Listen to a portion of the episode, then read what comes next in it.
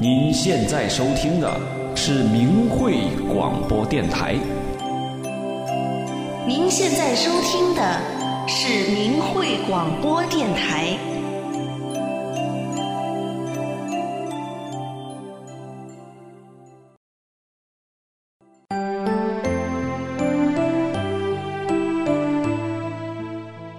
千百年的轮回中，也许哪一个人在哪一世，曾经有过修炼的经历。希望透过密勒日巴佛的修炼故事，唤起你我心底深处那修炼的记忆。听众朋友，从今天开始，我们将为大家播出密勒日巴佛修炼故事。下面请听第一集。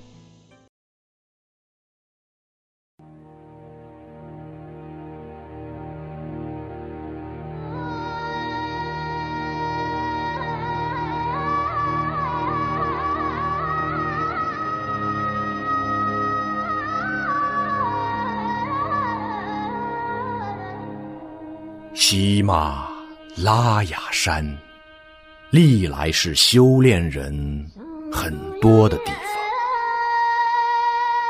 从古至今，藏族人都以农牧业为主，人们过着淳朴的生活，人人善歌善舞。除此之外，就是崇奉佛法。当时，有个苦行修炼者，叫密勒日巴，后来成为藏密白教的始祖。一天，密勒日巴在压龙地方的中富崖库中宣讲大乘妙法，法会中有他的大弟子惹琼巴、济光惹巴、彦总惹巴。佛护日巴等登地以上的菩萨和来塞半、仙多玛等女弟子，以及许许多多的男女施主姓氏。此外，还有长寿王空行母，以及正得红光成就的许多空行母和瑜伽行者。在那日前一天晚上，惹琼巴做了一个梦。在梦中，他似乎到了乌金空行净土，那是一个多宝琉璃铸成的大城，城内全是穿着美丽的天衣、配着璎珞的人们和珠宝严饰的男女空行。他们虽都向惹琼巴微笑颔首，但却无一人与他说话。忽然。一个穿红色衣服的女郎亲热地向他招呼道：“师弟，你什么时候来的？欢迎欢迎！”惹琼巴举目一看，原来是从前在尼泊尔地布巴上师处一同学法的巴热玛。你来的真巧，不动如来现在正在此说法。如果你愿意听讲，我可以替你去向佛请求。”惹琼巴兴奋地说道：“我多年以来。”就想朝见不动如来，今天能够听他亲自说法，正是千载难逢的机会，请你务必替我请求一下。巴热玛请惹琼巴吃了一席丰盛的酒宴，他俩就一起往法会走来。那是一所宏大壮丽的宫殿，不动如来坐在中央的宝座上，相好庄严。非人类所能想象。法会中听法的神人大众如大海一样无量无边，惹琼巴从未见过这样广大殊胜的法会。他看见这种景象，心中真是说不出的快乐和兴奋。巴热玛对惹琼巴说道：“师弟，请你等一等，让我先去替你向师尊请求吧。”过了一会儿，不动如来慈悲地望着惹琼巴微笑。惹琼巴知道已经得到了许可，就向如来顶礼，在会中坐下来听法。那天，不动如来讲的是过去诸佛菩萨的事业和传记，都是些动人心弦、可歌可泣的故事。最后，不动如来又宣讲帝洛巴、那诺巴和马尔巴三位上师的生平事迹。惹琼巴从未听过如此详尽与动人的讲述。要散会的时候。不动如来对大家说道：“一切传记中最稀有、最伟大和最动人的，要算是密勒日巴的传记。明天你们再来听我继续讲吧。”惹琼巴听见几个人私自在谈论：“如果还有比这些传记更稀有、更伟大的话，那真是不可思议了。”另一个人说道。今天我们听的这些佛菩萨的传记，他们都是多生多劫以来修行的结果。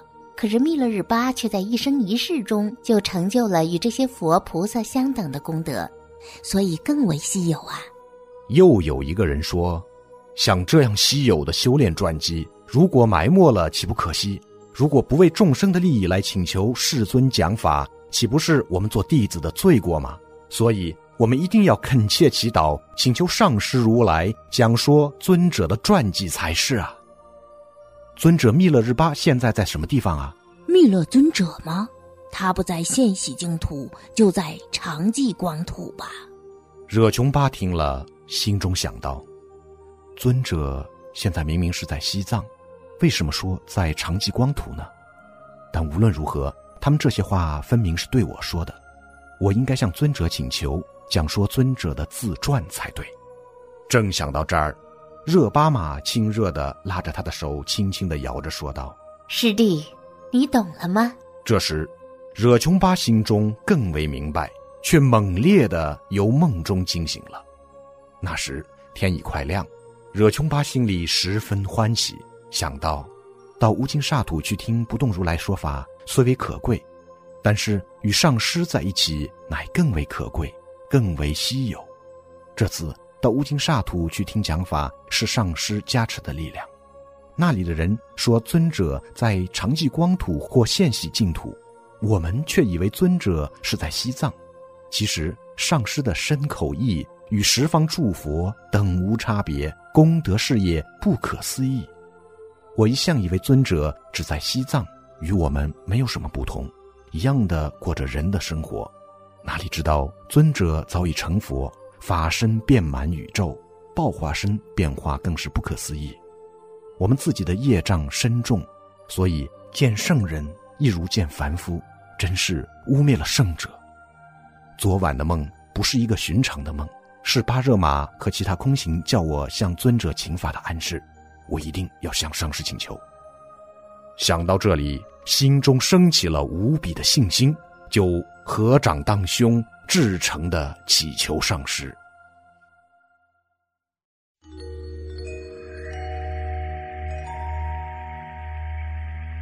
忽然间，光明一现，乌金沙土的庄严景象又呈现在目前。几个美丽绝顶、衣饰华丽的空行母，鲜明耀目的走到惹琼巴的面前。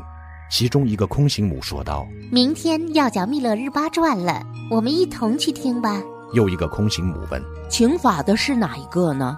另一个空行母一面向惹琼巴微笑示意，一面说道：“那当然是尊者的大弟子了。”其他几个空行母也都向惹琼巴凝地微笑，他们都说：“请求尊者说自传是自利利他的事，我们不但十分想听尊者的传记。”同时也要帮着祈求尊者，请他垂赐慈悲，讲述给我们听。以后我们还要守护弘扬这个经传，利益未来的友情。说完，他们便消失不见了。惹琼巴再醒来时，天已大亮。他想，这明明是长寿王空行母鼓励我去向尊者请求的表示啊。因此，这天。惹琼巴便欣喜地来到至尊密勒日巴上师的面前参加法会，与顶礼问安完毕后，跪在尊者的前面，合掌当胸，向尊者请示道：“上师老人家，过去无量诸佛为度众生的缘故，示现十二种事业，以种种不可思议的方便广度众生。他们的稀有传记流传于世，令一切有情蒙益，佛法增盛。现在的蒂洛巴、纳诺巴、马尔巴等具大成就的上师，也都自说传记，广利有情。使徒众们都能成就无上佛道。现在也请上师您老人家慈悲，为我们徒众及未来有情讲一讲您的身世和一生经过的事迹吧。密勒日巴尊者听了，安详的说道：“热琼巴，我的事情你已经知道的很多了，但你既然问我，我就回答你。我的祖系。”是琼波，宗姓是决赛。我最初习黑夜，后来行白夜，现在白夜黑夜都不做了，一切有为的作业已尽，将来什么事也不做了。这些事情如果详细说来，有许多是要令人痛苦的，也有许多是令人欢笑的。说来话太长，可以不必讲了吧。让我这个老头子闲散的休息休息。上师，惹琼巴跪在地上不起来，继续恳请您老人家最初怎样精进的修善法，怎样的求佛法，又怎样修行，才达到现在法性净地的境界而彻证实相？请您详细的为我们说一说。您的祖系琼波，宗姓决赛，但是您的姓却为什么会变成密勒呢？您为什么先做恶业，后来又修善法呢？那些令人可哭可笑的种种事迹，都请您告诉我们。这不仅是我一个人的请求，所有金刚兄弟和施主们也都渴望一听，请您慈悲吧。你们既然这样请求，我也没有什么可秘密的，我就对你们讲吧。我的祖宗琼波族。世居魏地北方的大草原，祖父叫觉赛，是一个红教喇嘛的儿子。他是得到本尊加持的真言行者，具有真言咒术的大威力。有一年，他到后藏去朝山，行到藏地北方的俊波喜地方时，恰巧该地患鬼瘟，因为他的真言威力极大。平灭了许多鬼瘟，信仰的人越来越多，当地的人就要求觉赛喇嘛常住在他们那里，他于是就住了下来，最后竟在那里落籍了。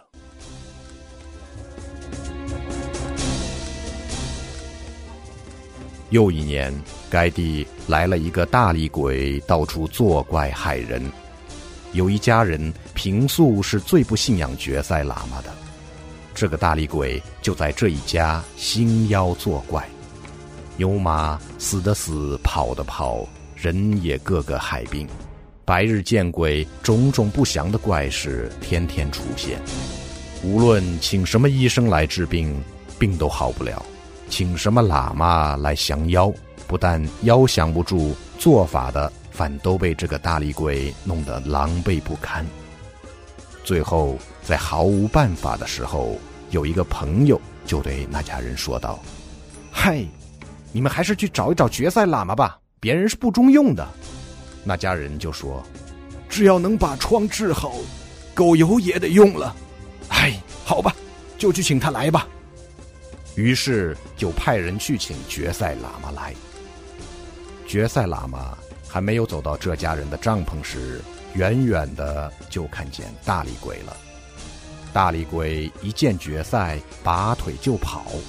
决赛喇嘛神威顿发，高声叫道：“大力鬼，我是穷波决赛，专门喝鬼魔的血，抽鬼魔的筋。有本事站住，不要跑！”说着，向大力鬼飞奔赶来。大力鬼一见，吓得浑身颤抖，大声叫道。可怕！可怕！密了！密了！决赛跑到大力鬼面前，大力鬼缩作一团，动也不敢动，颤巍巍的说道：“喇嘛，你所去的地方我没有敢去啊，这个地方你从来不来，所以我才敢的，请您饶命啊！决赛喇嘛就命大力鬼发誓，从此不再害人。大力鬼只得对决赛喇嘛起誓，喇嘛就把他放了。以后，这个大力鬼附在另一个人身上，说道：“密勒，密勒。”这个人好厉害哟！我一辈子都没有这样的害怕过，好厉害呀！密勒，密勒。因此，觉塞喇嘛的名气就更大了。大家给他起了一个绰号，叫密勒喇嘛，意为虔诚信仰的意思。渐渐的，密勒就变成为他这一家的宗姓了。密勒喇嘛的称号就这样的出了名。琼波决赛的独子有两个儿子，长子叫密勒多顿生给，生给又有一个独子叫做金刚狮子。却说金刚狮子生性极好赌博，尤其喜欢掷骰子。他赌术极精，每掷必赢。有一天，一个流浪江湖的大骗子来到俊波喜这地方，他的赌术精绝。以赌博为生，赢了很多钱。听说金刚狮子爱赌博，便约他掷骰子。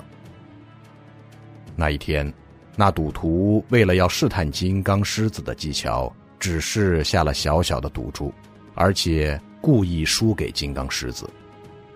第二天，这骗子施展身手，很轻易的就将金刚狮子的赌注赢了。金刚狮子从未如此惨败过，心里非常不服，就约那骗子再赌，对骗子说：“明天一定要赢回我输的本钱，你敢跟我再赌吗？”“当然。”骗子毫不在乎的回答。第三天、第四天、第五天，骗子不知是故意还是运气不好，接连三日都输给了金刚狮子。于是，骗子向金刚狮子提出了最后决定性的挑战。金刚狮子，这些日子我天天输。明天，我想我们双方均将全部财产——牛马、田地、羊毛、财物，还有衣服、首饰等，都用来做赌注，请村人作证，签订合同，做一次最后的较量，输赢都不许反悔。不知你是否同意和我见一个最后的高下？金刚狮子毫不犹豫的就同意了。第二天，村中的人验证了双方的赌注，围视着他们。他们俩紧张的掷着骰子。终局时，金刚狮子输得一无所有。在这种情形之下，金刚狮子只得离开家乡族人，到外面去流浪了。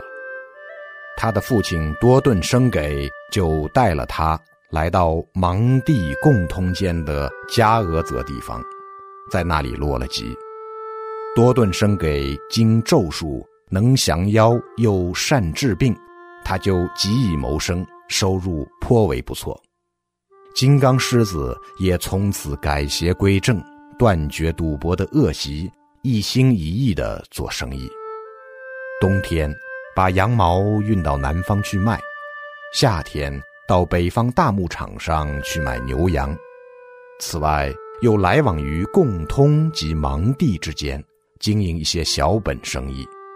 辛劳的结果，居然又积聚了许多财产。金刚狮子后来与当地一个美丽的女孩结了婚，生了一个儿子，叫密勒江彩。这时。多顿生给已经很老，因病去世了。金刚狮子多年的辛劳逐渐富有起来，他用大量的金钱换得一块三角形的肥美沃田，并且因为那块地是三角形的，就命名为额玛三角田。此外，他还在近处买了一栋大房子。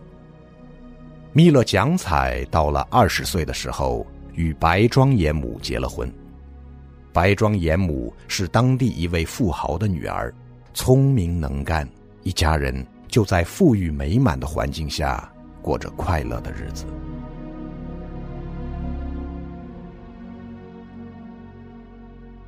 过了一些时光，他们在鹅马三角田的旁边又造了一栋三层楼的大房子，房侧又建有一大库房及厨房，正像这块三角形的田因形得名一般。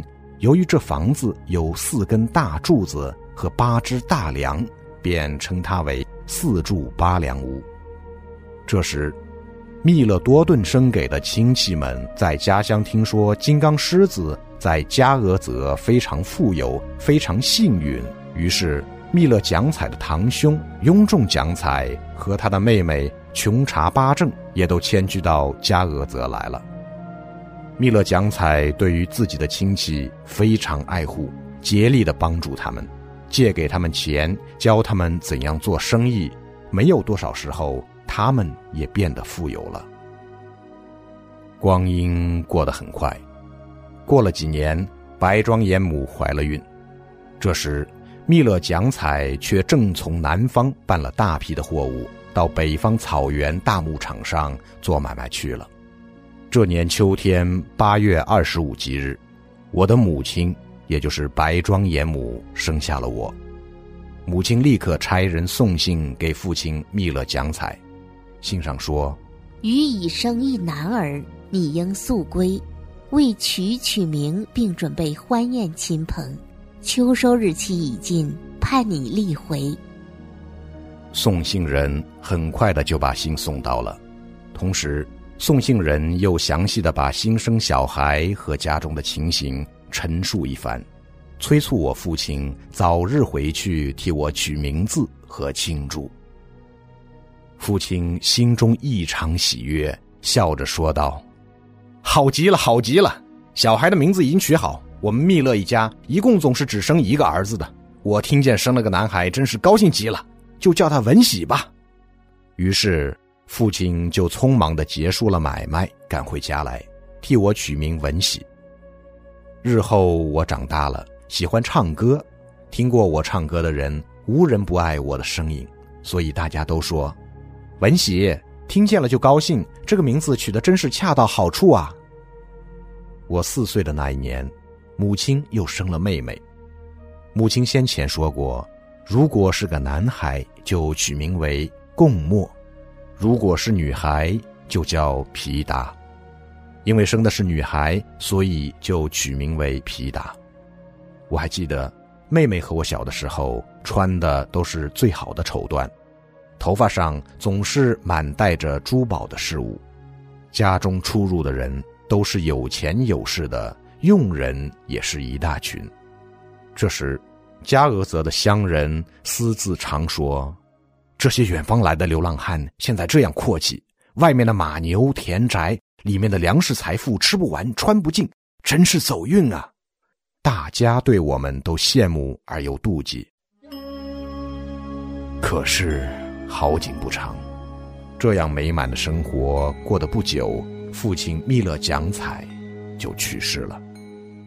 惹琼巴又问道：“上师，您的父亲去世以后，您是不是受过很大的痛苦？听说您的遭遇是最困苦的，您能够讲给我们听吗？”密勒日巴微笑的说道：“好，我给你们讲吧。我七岁的时候，父亲生了重病。”医生们都束手无策，算命的也说父亲的病是没希望了。亲友们都知道父亲已是沉疴难起，父亲自己也知道病势垂危，就决定在未去世前对我们母子三人和家产做一个处理。父亲将伯父、姑母、远近的亲友以及我们的邻居们都请来，齐聚在家中。将他预先准备好的遗嘱在大众面前宣读一遍。遗嘱中详细说明，全部的财产应由长子继承。念完了遗嘱之后，父亲慢慢的说道：“这一次，我的病是没有好的希望了。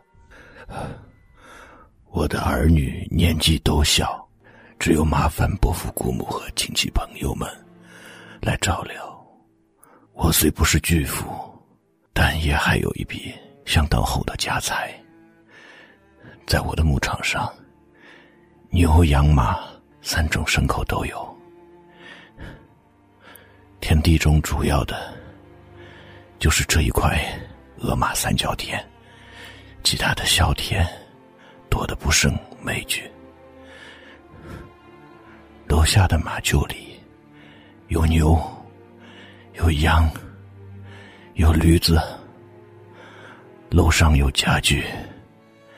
有金银做的古玩，有珠宝，还有宋二石，有丝绸的衣服，还有五谷杂粮的仓库。